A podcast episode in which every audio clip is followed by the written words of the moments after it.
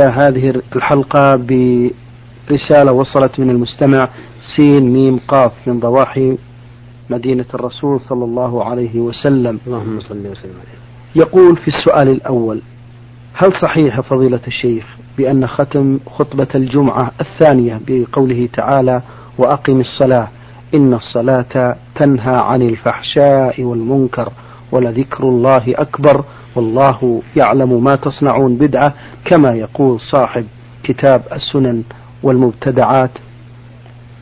الحمد لله رب العالمين وأصلي وأسلم على نبينا محمد وعلى آله وأصحابه أجمعين. أقول إن البدعة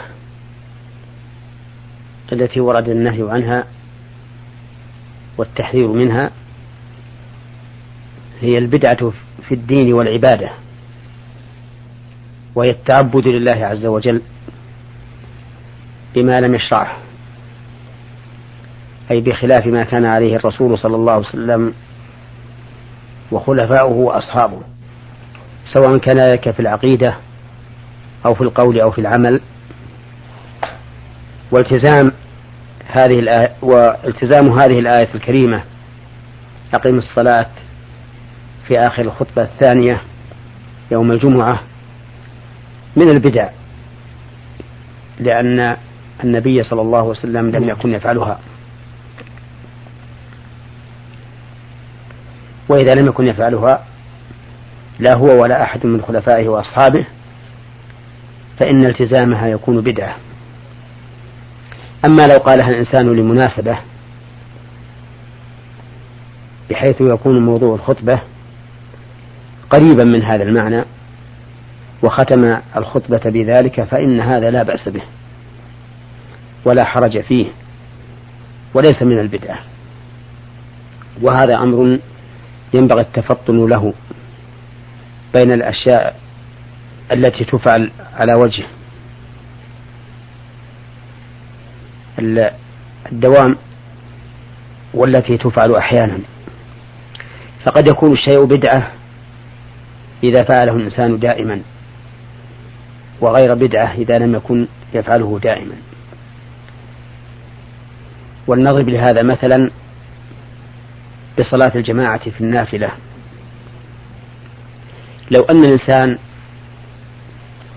اتخذ الجماعة سنة راتبة في صلاة الليل وصار لا يصلي الليل إلا بجماعة لقلنا إن هذا بدعة. ولو صلى صلاة الليل جماعة أحيانا لقلنا إن هذا لا بأس به وليس ببدعة لأن النبي صلى الله عليه وسلم قد يصلي معه بعض أصحابه في صلاة الليل كما فعل عبد الله بن عباس رضي الله عنهما وعبد الله بن مسعود رضي الله عنه وحذيفة بن اليمان رضي الله عنه. فينبغي أن يعرف الفرق بين الشيء الذي يتخذ راتبا مستمرا وبين الشيء الذي يفعل أحيانا ولا يخالف الشرع. والمهم أن التزام الخطيب بختم الخطبة الثانية بهذه الآية الكريمة بدعة كما قال صاحب السنن والمبتدعات. نعم. بارك الله فيكم. سؤاله الثاني يقول فضيلة الشيخ محمد آه، ما هو أفضل كتاب للحفظ في علم العقيدة وأفضل شرح له وعدة شروح أخرى؟ من أحسن ما كتب في العقيدة العقيدة الواسطية للشيخ الإسلام ابن تيمية رحمه الله فإنها رسالة مختصرة مفيدة جدا. فيها قواعد عظيمة من القواعد التي ينتفع بها الإنسان في كل مسألة من مسائل العقيدة.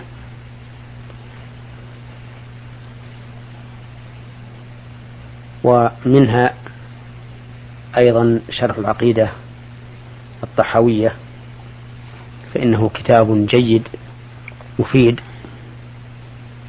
ينتفع به طالب العلم. ومنها الصواعق الصواعق المرسلة ومختصره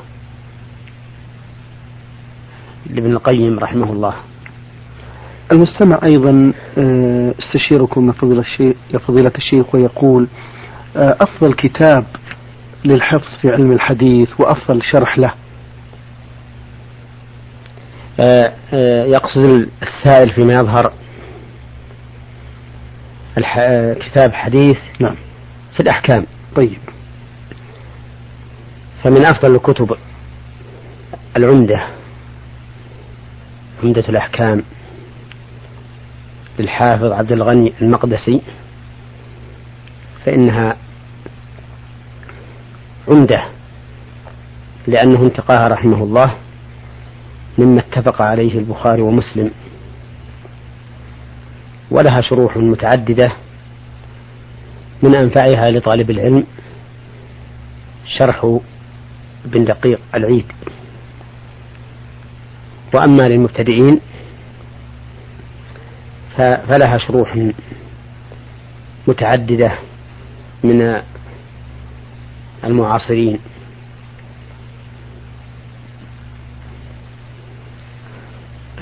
معروفة بأيدي الطلبة.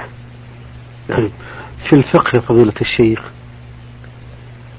وفي الفقه أيضا كتاب زاد المستقنع في اختصار المقنع لموسى الحجاوي وشرحه الروض المربع لمنصور البهوتي رحمه الله. فإنه كتاب مختصر مفيد. هذا لمن أراد التفقه على مذهب الإمام أحمد بن حنبل. نعم. وفي النحو؟ آه وفي النحو الأجرمية للمبتدئين ثم الألفية لمن أخذ حظا وافرا من النحو. ويا حبذا لو أن الطالب حفظ هذه المتون المختصرة حتى ينتفع بها بعد أن يحتاج إليها في المستقبل. نعم. هذه الطالبة سين عين عين من العراق محافظة البصرة. تسأل عن قوله تعالى في سورة النمل أعوذ بالله من الشيطان الرجيم قيل لها ادخلي الصرح. فلما رأته حسبته لجة وكشفت عن ساقيها قال إنه صرح ممرد من قوارير. نعم. آه، معنى هذه الآية أن سليمان عليه الصلاة والسلام لما علم بملكة سبأ المشركة التي تسجد هي وقومها للشمس من دون الله أرسل إليها والقصة معروفة في سورة النمل فجاءت إلى سليمان عليه الصلاة والسلام فبنى صرحا من قوارير زجاج نعم. يحسبه الرائي ماء. فجاءت هذه المرأة فحسبته ماء فكشفت عن ساقيها. فقال إنه صرح ممرد من قوارير. وإنما قصد سليمان والله أعلم أن يبين لها ضعفها حتى ينكسر من ألوائها. ويتبين لها أنها ضعيفة. ولهذا قالت رب إني ظلمت نفسي وأسلمت مع سليمان لله رب العالمين. نعم. بارك الله فيكم. أيضا تستفسر عن الآية الكريمة في سورة المائدة. أعوذ بالله من الشيطان الرجيم. لقد كفر الذين قالوا إن الله ثالث ثلاثة. من هم الذين قالوا ذلك فضيلة الشيخ؟ نعم. الذين قالوا ذلك هم النصارى. قالوا إن الله ثالث ثلاثة. الله والمسيح بن مريم وأمه. فكفرهم الله تعالى بذلك لأنهم جعلوا مع الله شريكا. والله سبحانه وتعالى إله واحد. كما قال الله تعالى وما أمروا إلا ليعبدوا إله واحدا لا إله إلا هو سبحانه عما يشركون. نعم. تستفسر آه، عن معنى أسماء السور القرآنية الكريمة التغابن. التغابن فهو الغلبة بالغبن وقد ذكر الله عز وجل في هذه السورة أن يوم التغابن حقيقة ويوم القيامة. قال الله تعالى يوم يجمعكم ليوم الجمع ذلك يوم التغابن. فالتغابن الحقيقي هو التغابن في الآخرة حيث يكون فريق في الجنة وفريق في السعير. أما التغابن في الدنيا فليس بشيء. بالنسبة للتغابن في الآخرة ولهذا قال الله تعالى انظر كيف فضلنا بعضهم على بعض وللآخرة أكبر درجات وأكبر تفضيلا. من أسئلة المستمعة تقول أيضا آه، طالبة سين عين من العراق محافظة البصرة هل يجوز للمرأة أن تصلي صلاة العيد في بيتها؟ المشروع في حق النساء أن يصلين صلاة العيد في مصلى العيد مع مع الرجال. لحديث أم عطية رضي الله عنها أن النبي صلى الله عليه وسلم أمر أن يخرج النساء حتى الحيض وذوات الخدور. يشهدن الخير ودعوة المسلمين ويعتزل الحيض المصلى. فالسنة أن يخرج النساء إلى مصلى العيد مع مع الرجال. أما في البيوت أي أما صلاة النساء في البيوت فلا أعلم في ذلك سنة. والله أعلم. هل يجوز لي أن أهدي ختمة القرآن لوالدي علما بأنه يعرف القراءة والكتابة؟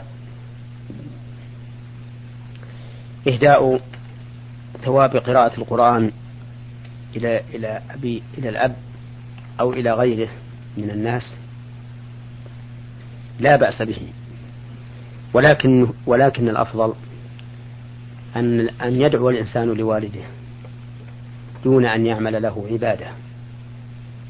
ودليل ذلك قوله صلى الله عليه وسلم إذا مات الإنسان انقطع عمله إلا من ثلاثة إلا من صدقة جارية أو علم ينتفع به أو ولد صالح يدعو له ولم يقل أو ولد صالح يقرأ له أو يصلي له أو يصوم له أو يحج له أو يضحي له وإنما قال أو ولد صالح يدعو له. ولا أعلم أن النبي صلى الله عليه وسلم أمر أحدا من الناس أن يتعبد لغيره تطوعا. نعم الشيء الواجب أمر النبي صلى الله عليه وسلم بقضائه. كقوله صلى الله عليه وسلم من مات وعليه صيام صام عنه وليه. أما الشيء المتبرع به فلا أعلم أن رسول الله صلى الله عليه وسلم أمر به. لكنه أجازه حين استفتي عن ذلك. فقد سأله رجل فقال إن أمي افتلتت نفسها وأظنها لو تكلمت لتصدقت أفأتصدق عنها؟ قال نعم. واستفتاه سعد بن عبادة رضي الله عنه أن يجعل مخرافه لأمه فأجاز له ذلك أي على سبيل الصدقة. أما الأمر بهذا وجعله مشروعا للأمة فلا أعلم في ذلك سنة. وعلى هذا فأقول إنه ينبغي للإنسان إذا أراد الأفضل أن يدعو لأمواته من آبائه وأمهاته وإخوانه وأبنائه وبناته وأن يجعل الأعمال الصالحة لنفسه لأنه هو نفسه سيحتاج إليها في المستقبل. فإن الإنسان إذا مات تمنى أن يكون في صحيفته حسنة واحدة لقول النبي عليه الصلاة والسلام ما من ميت يموت إلا ندم. إن كان محسنا ندم ألا يكون أزداد وإن كان مسيئا ندم ألا يكون استعتب. نعم. تقول المستمعة طالبة سين عين عين من العراق محافظة البصرة. آه، أنا أصلي أربع ركعات قبل صلاة العصر لكني لا أدري هل أصليها قبل دخول وقت الصلاة أم بعد ذلك. نرجو الإفادة. الصلاة التي قبل صلاة العصر وهي أربع ركعات بتسليمتين إنما تكون بعد أذان العصر وقبل الصلاة وليس قبل أذان العصر.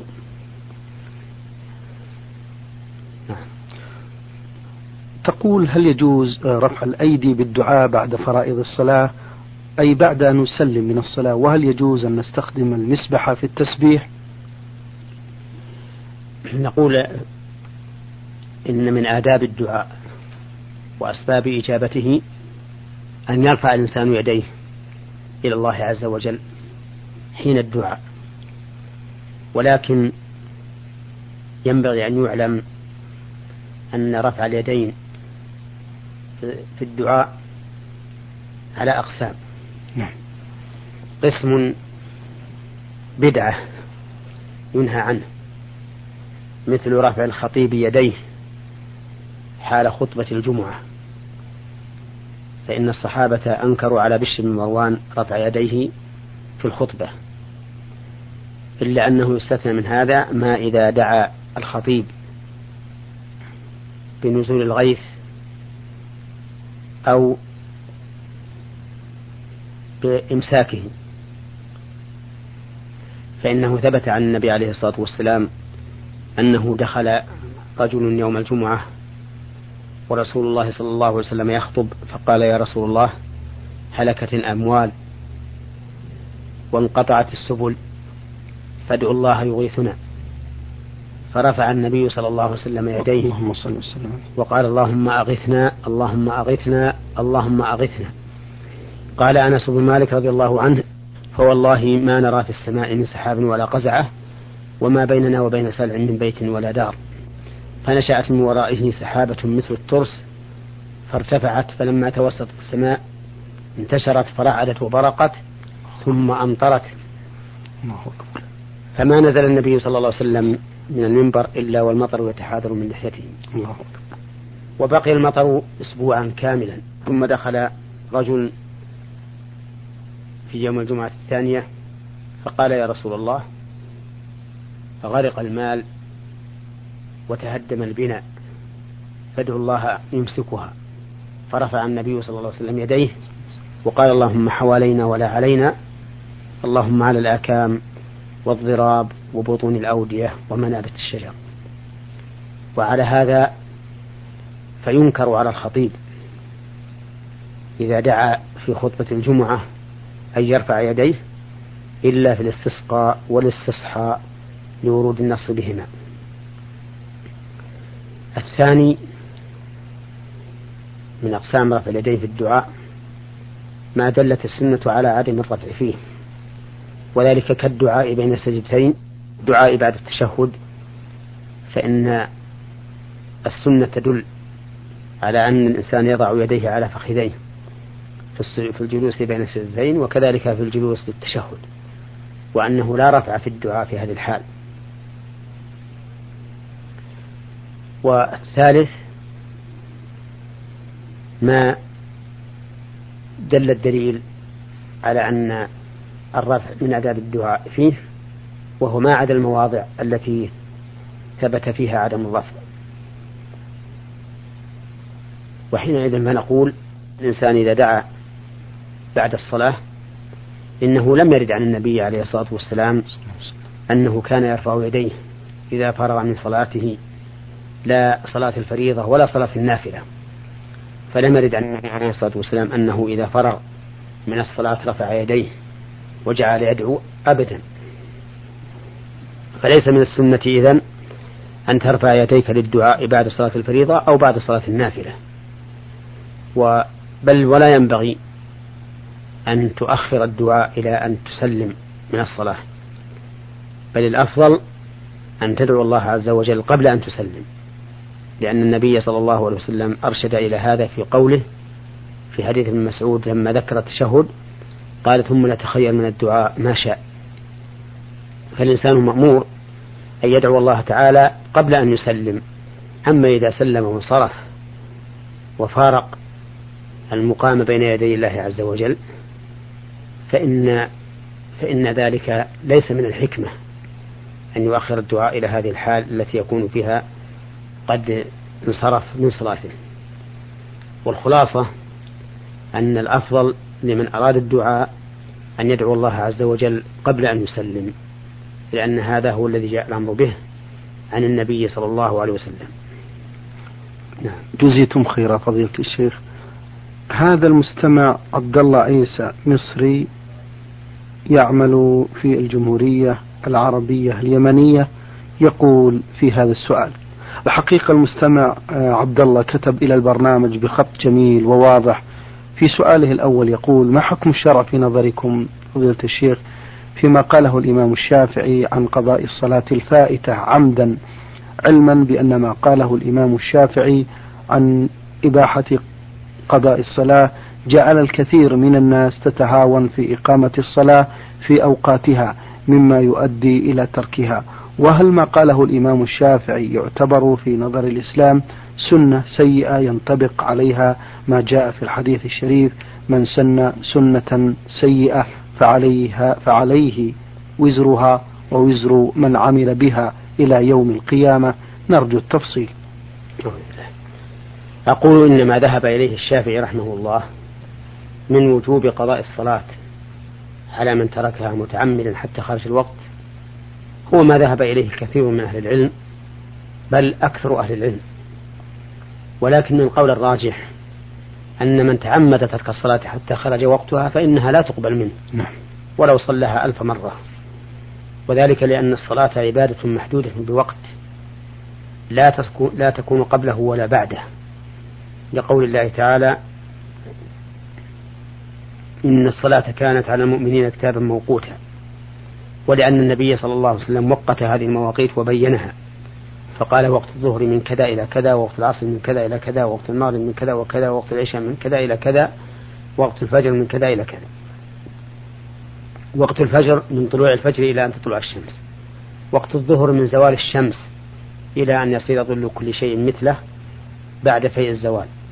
صلاة العصر من خروج وقت الظهر إلى أن تصفر الشمس والضرورة إلى غروبها. وقت المغرب من غروب الشمس إلى مغيب الشفق الأحمر. وقت العشاء من مغيب الشفق الأحمر إلى نصف الليل. فمتى أخر الإنسان الصلاة عن وقتها عمدا بلا عذر فإنه فإنه لا صلاة له ولو صلاها ألف مرة. هذا هو القول الراجح الذي تدل عليه الأدلة. فكما أن الرجل لو صلى الصلاة قبل وقتها لم تقبل منه فكذلك إذا صلاها بعد وقتها لم تقبل منه. لأن لأن كل ذلك خروج عن حدود الشرع. وقد قال النبي عليه الصلاة والسلام من عمل عملا ليس عليه أمرنا فهو رد. أما لو كان هذا لعذر مثل أن ينسى الإنسان أو ينام وقد أخذ احتياطاته للاستيقاظ ولكن لم يستيقظ فإنه يقضيها ولو خرج الوقت. لقول النبي عليه الصلاة والسلام من نام عن صلاة أو نسيها فليصليها إذا ذكرها. لا كفارة لها إلا ذلك ثم تلا قوله تعالى أقم الصلاة لذكري نعم. بارك الله فيكم. سؤاله الثاني يقول لفضيلة الشيخ لماذا نسب المفسرون مثل الإمام ابن كثير جميع آيات العذاب الواردة في القرآن الكريم إلى الكفار خاصة علما بأن بعض المسلمين قد يأتي ببعض الذنوب التي توجب الدخول في سياق هذه الآيات وعلما بأن بعض الآيات لم يرد فيها تحديد الكافر من المسلم العاصي. ومع ذلك فقد نسبها المفسرون إلى الكفار خاصة مثل قوله تعالى في سورة البقرة أعوذ بالله من الشيطان الرجيم بلى من كسب سيئة وأحاطت به خطيئته فأولئك أصحاب النار هم فيها خالدون. قول هذا السائل إن المفسرين حملوا آيات الوعيد الواردة في القرآن على الكفار ليس بصحيح. وما علمت أحدا أن قال ذلك لا ابن كثير ولا غيره. ولا يمكن لأحد أن يقول هذا لأن آيات الوعيد في القرآن منها ما يكون للكافرين ومنها ما يكون لغير الكافرين. فمثلا قوله تعالى ومن يقتل مؤمنا متعمدا فجزاؤه جهنم خالدا فيها وغضب الله عليه ولعنه وأعد له عذابا عظيما هذه لا تختص بالكافرين. طيب. حتى من كان مؤمنا فإنه يلحقه هذا الوعيد. ولكن كل ما ورد من الوعيد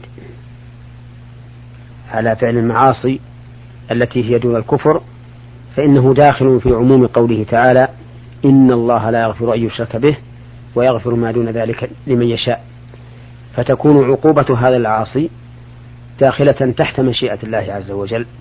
قد يغفر الله له يوم القيامة وقد يغفر نعم قد يغفر الله له يوم القيامة بمنه وكرمه وقد يغفر له بواسطة الشفاعة أو بغير ذلك من الأسباب. والمهم أن آيات الوعيد وكذلك أحاديث الوعيد لا تختص بالكافر بل قد تكون للمؤمن أيضا ولكن المؤمن يكون بالنسبة إلى هذه أو إلى هذا الوعيد داخلا تحت مشيئة الله عز وجل إن شاء عذبه وإن شاء غفر له. نعم. شكر الله لكم يا فضيلة الشيخ وعظم الله مثوبتكم على